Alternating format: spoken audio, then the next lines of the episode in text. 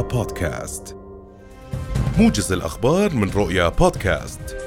كل عام وأنتم بألف خير وأهلا بكم في نشرة الأخبار من رؤيا والتي نبدأها بأبرز العناوين. حركة نشطة في شوارع العاصمة مع أول أيام الشهر الفضيل وآراء متباينة حول ساعات العمل.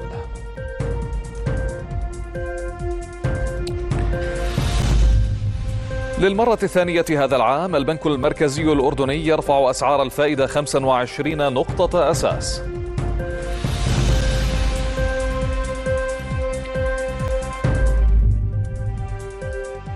بعد قرابة أربعين يوما على إعلانهم إعلانهم العصيان الحركة الأسيرة تعلن انتصار الأسرى في معركة الحرية أو الشهادة.